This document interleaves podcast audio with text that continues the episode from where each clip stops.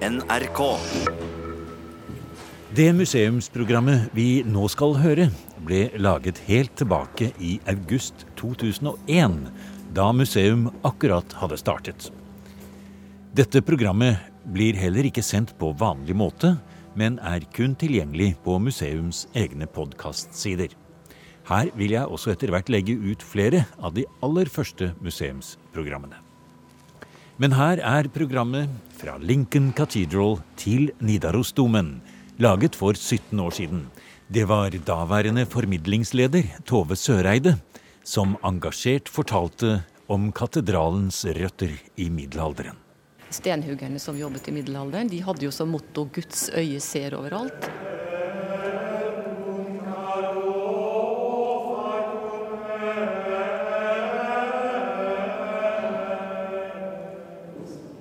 A, great um, center of pilgrimage. It's very, it's very grand now, but if you can imagine it three, four, five hundred years ago, even more ornate.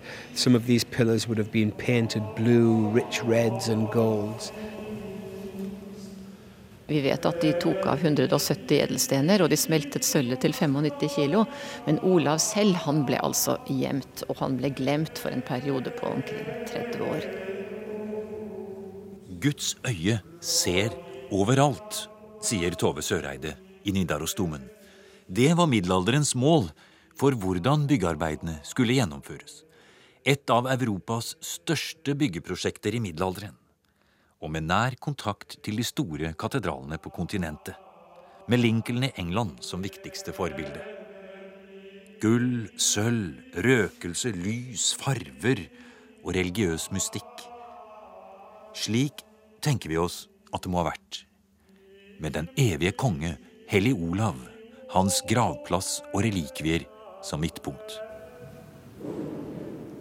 Her sitter vi og hører på stillheten. Ja, det er eh, det beste, det. Å ha stillheten i Nidarosdomen. Det ligger mye i veggene her òg. Fra mange århundrer tilbake. Og det som er eh, oppgaven vår, er å få de besøkende til å høre stillheten, da. Det er ikke alltid like lett. Vi har gått gjennom eh, en del av kirken og kommet helt inn til den eldste delen. Og det er kanskje en liten sånn vandring også tilbake i historien. Var det her det sto et lite trekapell med kong Olavs legeme i all hemmelighet? Det var litt lenger øst enn her vi er akkurat nå. Der står det jo i Snorre at det ble bygget et trekapell, ja. Og at senere ble bygget en stenkirke over. Og alterfundamentene de er da satt akkurat på det stedet hvor Olav lå begravet, og høyalteret står over disse fundamentene, eller på disse fundamentene den dag i dag.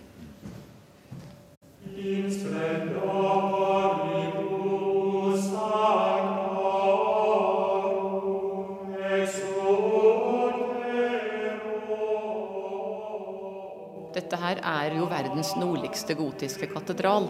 Og den flotteste vi har hatt i Norge noen gang. Vi har jo ruiner etter noen andre store stenkirker også. Men dette har hele tiden selvfølgelig vært den flotteste, fordi her holdt erkebiskopen til. Og erkebiskopen i Nidaros han hadde jo under seg biskopen i Norge, og i tillegg biskopene på Færøyene, Isle of Man, to på Island og en på Grønland. Og de skulle jo komme hit, og det er jo klart at erkebiskopen var jo interessert i at de skulle komme til et virkelig maktsentrum når de kom til Nidaros. Og det gjorde de. Og vi har til og med oppe i etasjene en runeinskripsjon som sier 'Disse sank i fjorden og druknet'. Johan, Erik, biskop Loden og en kapellan. Og denne biskop Loden han var en biskop fra Færøyene som kom på besøk til erkebiskopen av Nidaros, og som virkelig omkom i et skipsforlis på Trondheimsfjorden på 1320-tallet. Men det er i 1152 da skjer det noe i den nordiske kirkehistorien. Da blir Norge på en måte skilt ut som et eget erkebispedømme i, i Norden. Ja, det er for så vidt et skille, det. Men det som hele tiden har vært der, det er jo kontakten over Nordsjøen og kontakten mot England. Og den er jo langt mer naturlig for oss å ha enn f.eks. For, for svenskene. Så det, det, er jo klart at det òg påvirker jo at vi kan ha eh, katedraler som er så eh, nært knyttet til gotikken. Eh, det var lett å reise fra Frankrike over kanalen til England og så deretter komme seg over til Norge. Det ble en helt annen omvei, og fjellene og hele Norge og alt skygget jo for når vi tenker lenger bortover i Skandinavia. Så det er nok også geografien som er med på å spille inn at vi har fått eh, en, en katedral som dette her i, eh, i, Trondheim. Når vi går bort her inn i her, her står det noe på veggene også. Det står noen inskripsjoner her? Ja, bortover hele veggen eller på tre vegger står det en inskripsjon som begynner her, og som sier at dette kapellet ble innviet av erkebiskop Øystein Erlendsson det første året han var erkebiskop, til ære for martyren Johannes døperen. Du ser det står mm. baptist under vinduet der. Sankt Silvester og Sankt Vincentius i 1161, seks dager før desember. Og Det er den eneste fulle datoen med årstall vi har i hele Nidarosdomen. Mm. For eh, det var biskop Øystein og Jon kanskje som da søkte ut i Europa etter hvert for å se på forbilder. Og det står en kirke i Lincoln i, eh, i England. Den har likhetstrekk med den kirken vi står i i dag. Ja, det er riktig. Altså, det kom jo en kirke her ganske raskt etter at Olav den hellige var blitt begravet uh, på dette stedet. Uh, og den kirken den var i romansk stil, med runde buer, som du kan se når du ser deg rundt her. Men så, eh, midt på 1100-tallet, ble erkebispesetet opprettet. Og den andre erkebiskopen, Øystein Erlendsson, han er den viktigste domkirkebyggeren. Og han tilbrakte noen år i England i eksil, og da bodde han i et kloster like ved Lincoln. Og der bygde de en katedral, eller de hadde allerede eh, oppført den. Eh, og eh, han ble inspirert. Og vi vet også at stenhuggere fra Nidaros har vært i Lincoln og hjulpet til å bygge den katedralen opp, fordi den ble ødelagt av en stor brann. Og hvis du ser her inne nå, kan gå inn og så kan jeg vise deg noe som er ganske spennende, faktisk. Mhm. Og det er at på disse kapitelene, som jo er toppen på en søyle, der ser du et stenhuggermerke. Og det er et, lite, merke et kors, som ser ut som et kors. Ja, ja. Og det er gjort av han vi kaller for korsmesteren. Og dette er originale eh, skulpturer, kapiteler, fra eh, midten på 1100-tallet.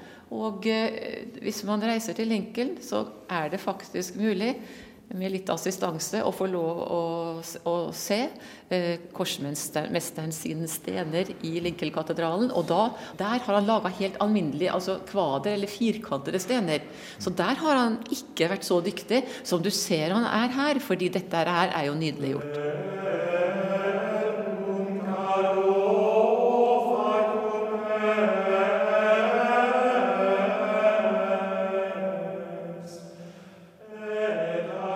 Vi står og ser på korsmesterens merke. Et hugget, lite kors. En 800 år gammel signatur fra en av middelalderens store stenkunstnere. Som reiste med sitt følge fra Nidaros til Lincoln i England. Og kanskje tilbake igjen for å fortsette byggearbeidene.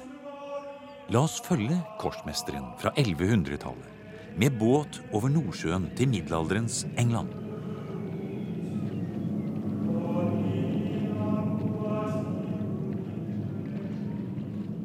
Vi kommer til The Midlands, 25-30 mil nord for London. Ut mot kysten, ikke langt fra Stamford og vikingebyen York noen mil lenger nord. Her er hjertet av det anglosaksiske kongedømmet. Her var romernes hovedveier og borger. Og her vokste det kristne England fram, på 600- og 700-tallet. Her fikk de norrøne vikingene sine første møter med den kristne lære.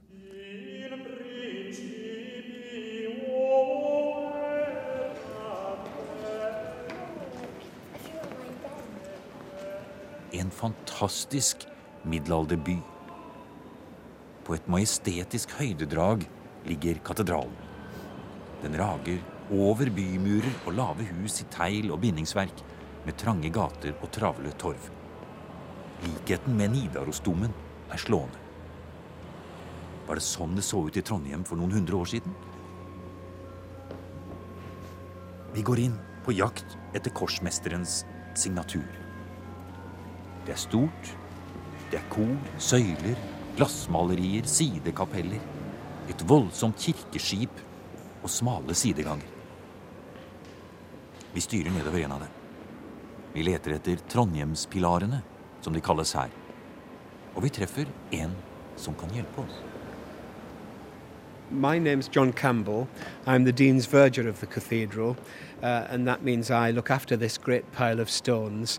And here on your right hand side, and similarly over in the uh, north aisle of the cathedral, you can see the Trondheim pillars. Um, this is, these are two of only four Trondheim pillars.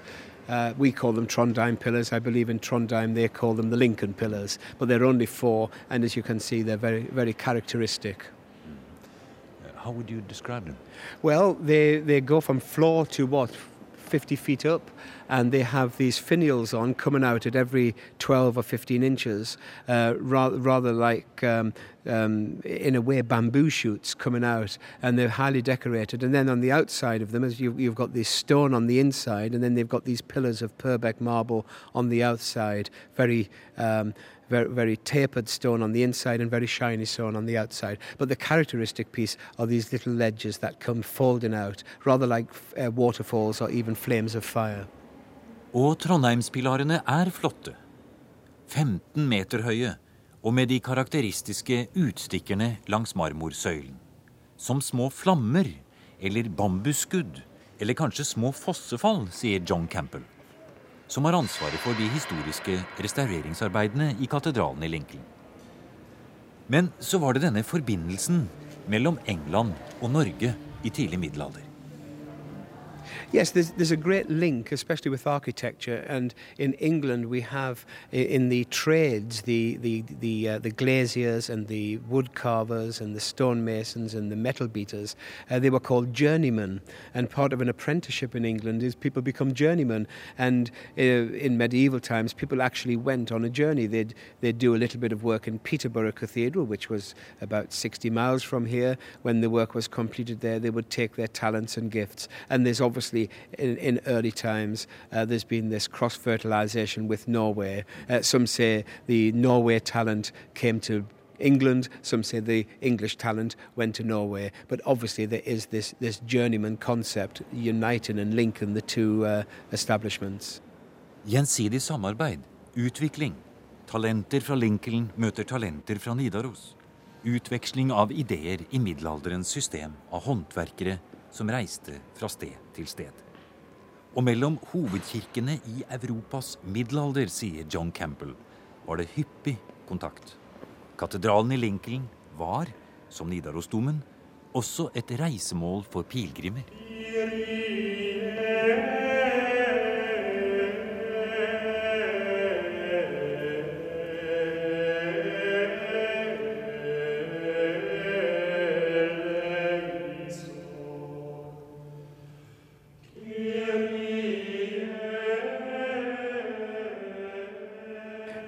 Great um, centre of pilgrimage. It's very, it's very grand now, but if you can imagine it three, four, five hundred years ago, even more ornate. Some of these pillars would have been painted blue, rich reds and golds, very encrusted. Um, and the, the, the, the, Christian word came from here. They were great teaching seats. All the education, the, the, the seats of education often came from cathedrals. The word cathedra the seat on which a bishop sits is a teaching seat. And the great, uh, the great uh, Bishop of Lincoln, St. Hugh, this part of the cathedral that we are standing in now was built by him, and just beyond this uh, was built for him for to house his body. So there was a great pilgrimage. People came here to give thanks, to pay homage, and to receive education, and not on, only religious and spiritual education, but artistic edu- uh, education as well, looking at the arts and um, in various forms.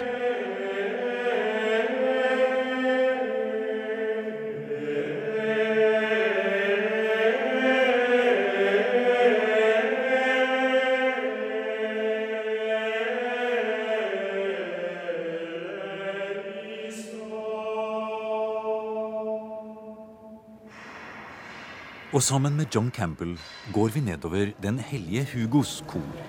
Hugh fra Avalon var biskop i Lincoln fra 1186 til 1200 og fikk utvidet og gjenreist kirken etter et jordskjelv.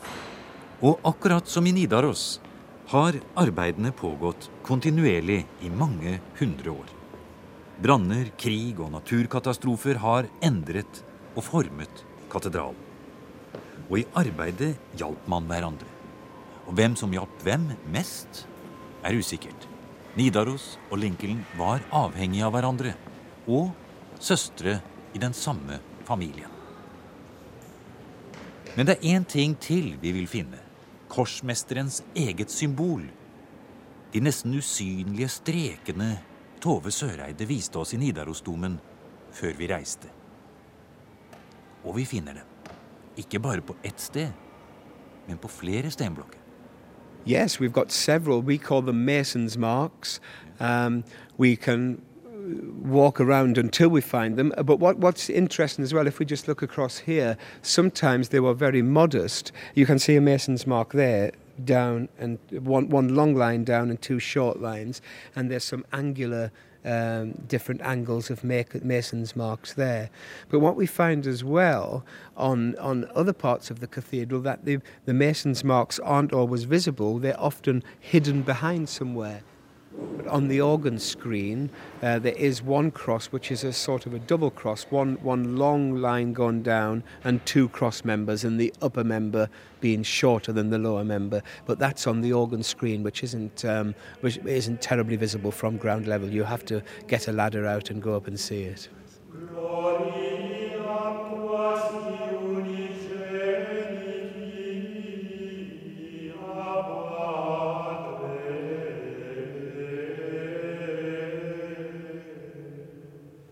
Og med korsmesterens merke i tankene forlater vi katedralen i Lincoln og reiser tilbake til Nidarosdomen. Det er med et litt annet blikk vi nå ser etter små riss på stenblokkene. Er det korsmesterens merke? Og er det typisk Nidaros eller typisk Lincoln? Så kan jeg vise deg noe som er ganske spennende, faktisk. -hmm. Og det er at På disse eh, kapitelene, som jo er eh, toppen på en søyle, der ser du et stenhuggermerke. Og det ja, et er et lite, merke et som ser ut som et kors, ja. ja. Og det er gjort av han vi kaller for korsmesteren i Lincoln-katedralen. Og da har han gjort dette der har han laga helt alminnelige altså kvader eller firkantede stener. Så der har han ikke vært så dyktig som du ser han er her, fordi dette her er jo nydeliggjort. Mm. Her er jo veldig fine ornamenter, og helt typisk Lincoln-kapitel ved at vi har så høy bredde på akkurat dette feltet her, som vi finner igjen bare i Lincoln og her. Og man skal ha et ganske trent blikk for å se det lille korset da, som står midt på, på søylen der. Eh, for eh, går man bare forbi her, så kan det være vanskelig å se det. Ja, det kan det. Og, men i grunnen er det ganske artig når vi ser på den. nå. han har jo satt eh, korset her på forsiden, da. Ja. Så han er sikkert litt stolt når han hadde gjort dette her. Så han ville fortelle alle at det er jeg som har gjort det.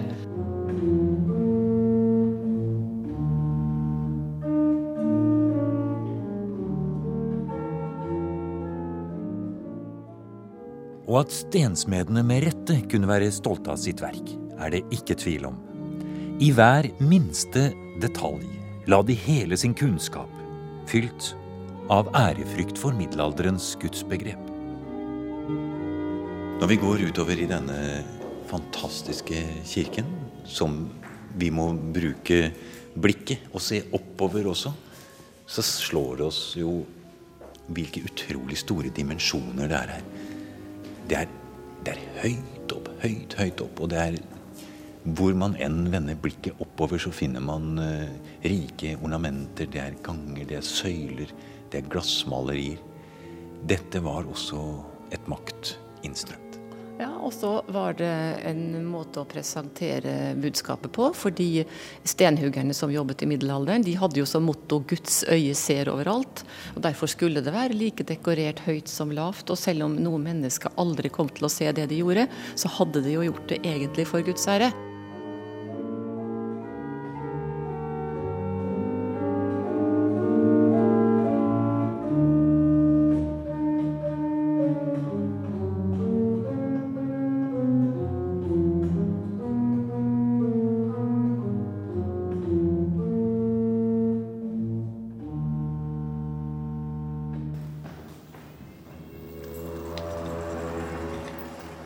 Du har nå hørt programmet Museum som podkast fra NRK.